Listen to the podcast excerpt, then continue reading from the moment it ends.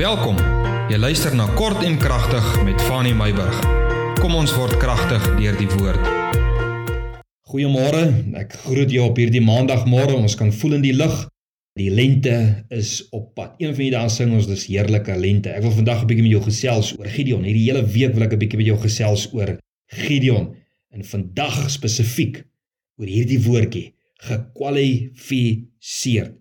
Nou in Rigters 6 waar daar begin praat word van Gideon was die hele volk Israel eintlik onder die onderdrukking van die Midianiete en die Amalekiete soos Rigters 6 vers 3 sê en hierdie manne het teen Israel opgetrek.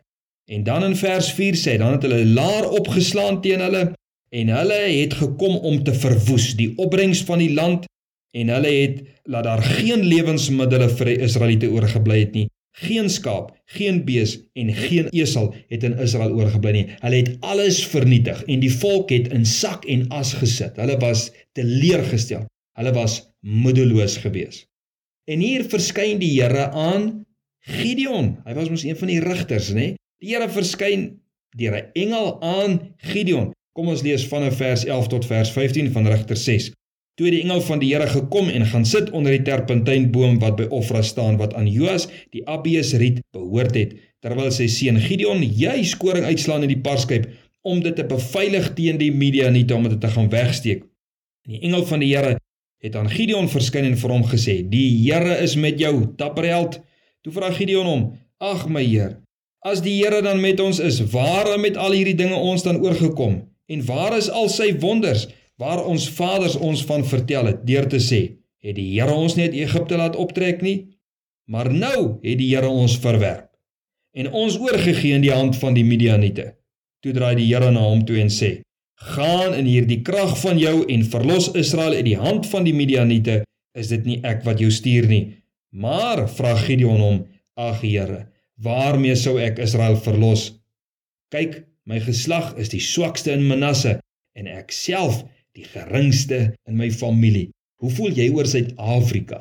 Voel jy nie ook maar so dat die Here ons vir gelos het en dat die Here ons um, afskeep nie? Dis hoe Gideon in 'n geval gevoel het. Hoe voel jy in jou persoonlike lewe, in jou gesin, in jou familie, in jou huwelik? Voel dit vir jou asof die Here jou afskeep en jou gesin en jou familie afskeep? Goed, hier sien ek twee stellings waar Gideon homself diskwalifiseer. Ek wil met jou vandag gesels oor Gideon. Jy is gekwalifiseer, maar daar's twee stellings wat hy maak waar Gideon homself sommer diskwalifiseer van hierdie groot roeping wat God op sy lewe het. Nommer 1: Here, kyk na my herkoms. En nommer 2: Here, kyk na my stand in my familie. Jy weet hierdie twee stellings is van geweldige groot belang met die oog op ons toekoms, hoe ons die lewe sien watter suksesse en watter keuse ons in die lewe gaan maak en die suksesse wat ons gaan behaal of dan nou nie. Hierdie twee stellings is die bron van baie mense se rebelsheid en haat teenoor ander en ook minderwaardigheid. Dis ook redes wat baie mense passief laat om te sê, jy weet, kyk na my herkoms, kyk na my plek in die familie. Ek gaan in elk geval niks doen nie want ek gaan in elk geval nêrens kom nie. Dis wat Gideon se gedagte was onder andere.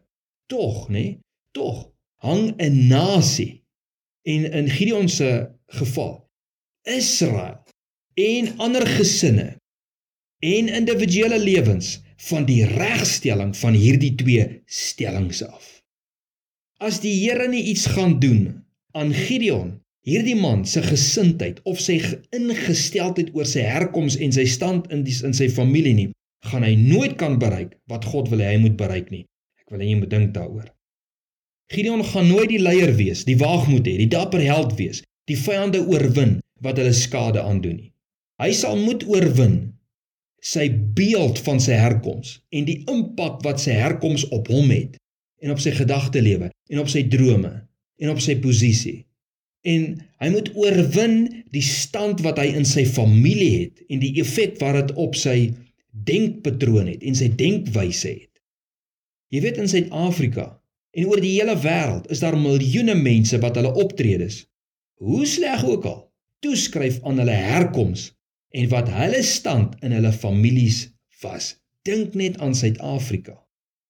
Asof ons as mens hierdie twee verskonings gebruik om ons slegte houdings en handelinge daar agter weg te steek. Ek het rede om te voel en te doen wat ek doen.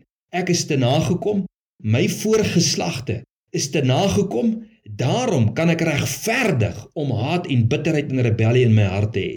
Verstaan jy die gedagte? Ek kan onvergewensgesind wees. Ek kan haatlik wees teenoor my broers en my susters en my ouers teenoor dit wat hulle aan my aan my gedoen het, my posisie binne my gesin. Ek kan dit as verskonings gebruik.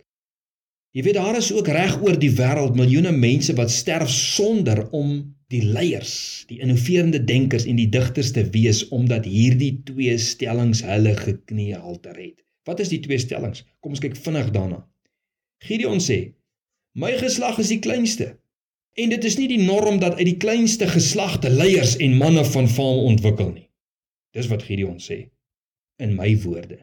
Die klein geslagte is die vergete geslagte. Niemand neem van hulle notisie nie. Klaar blyklik ook nie God nie. Het dit vir Gideon gevoel. Daar is nie in die Meiburg of die Botha of die Sleeboes of die Venter of die van der Westhuizen familie die norm van kragtige leierskap of baanbrekers werk nie. Nou hoekom sal ek dan nou uitstyg? Hoekom sal jy uitstyg as dit nie die norm van my herkoms is nie en van my geslag is en van my familieregister is nie? Hoekom sal jy dan nou uitstyg? Hoekom sal jy groot droom? Dis asof jou herkoms, jou droom, jou potensiaal kelder sonder dat jy eens besef jy het potensiaal. En jy wag nie om groot te droom nie, want in jou familie is nie groot name en karakters nie. Hoekom sal jy droom? Die heidene in die Bybelse tyd nê, het seker ook so gevoel, want hulle kom nie eers uit die geslag van Abraham uit nie. Hulle herkoms is nie reg nie. Daarom het hulle nie 'n plek in die hart van God nie. Wat is die tweede stelling?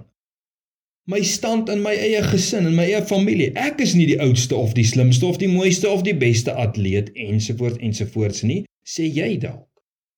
Ek is dalk die laaste en die kleinste, soos Gideon was. Dis een van die stellings wat hy maak.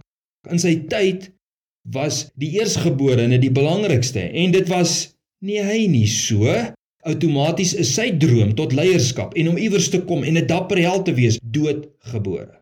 Dit help nie eers om te droom sou Gideon sê om 'n dapper held te wees nie. Dalk my broer wat ouer is as ek so asof sy plek in die samelewing en sy funksie in die groot prentjie van die wêreld uitgekanselleer is. So asof jou plek in die samelewing jou funksie in die groot prentjie van die wêreld uitgekanselleer is want jy voldoen nie aan die sogenaamde standaarde van die familie nie. My ouers sê baie mense het my broers en my susters altyd voorgetrek.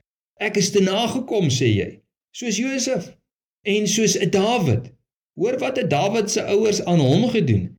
Jy weet toe daar 'n koning gesoek was, het sy pa nie eers gedink om hom te laat kom as 'n opsie nie. En ek dink ook nie Dawid het so gedroom nie want hy het geweet die plek van koningskap is nie vir hom nie, dis dalk vir die ouer broers. Jy weet ek glo Gideon se grootste verbasing was juis dat God aan sy deur kom klop vir so 'n belangrike taak. Terwyl daar ander geslagte en ander broers was. Jy weet beide hierdie stellings is realiteite in menige mense se bestaan, dalk so in joune ook. My vraag is waarmee ek jou vandag wil wegstuur, want ons gaan môre kyk na hoe die Here 'n regstelling gemaak het in Gideon se herkoms en in die stand van sy gesin. Ons gaan môre daarna kyk. Maar my vraag vir jou vandag is: is jy vasgevang in 'n Gideon stelling. Voel jy soos wat Gideon gevoel het? Rondom jou herkoms miskien of die plek wat jy in jou gesin het of gehad het? Dink 'n bietjie daaroor. En dan gaan ons die Here vra om môre vir jou 'n antwoord te gee. Dan gaan ons die Here vra om jou op te wek en jou die woord te laat hoor wat Gideon gehoor het. En wat is daai woorde? Skakel môre in. Dan gesels ons verder. Mag die Here jou seën in hierdie dag hierdie week wat voorlê, mag die vrede van God, die blydskap van die Heilige Gees saam met jou wees. met elke tree wat jy gee tot ons môre verder praat.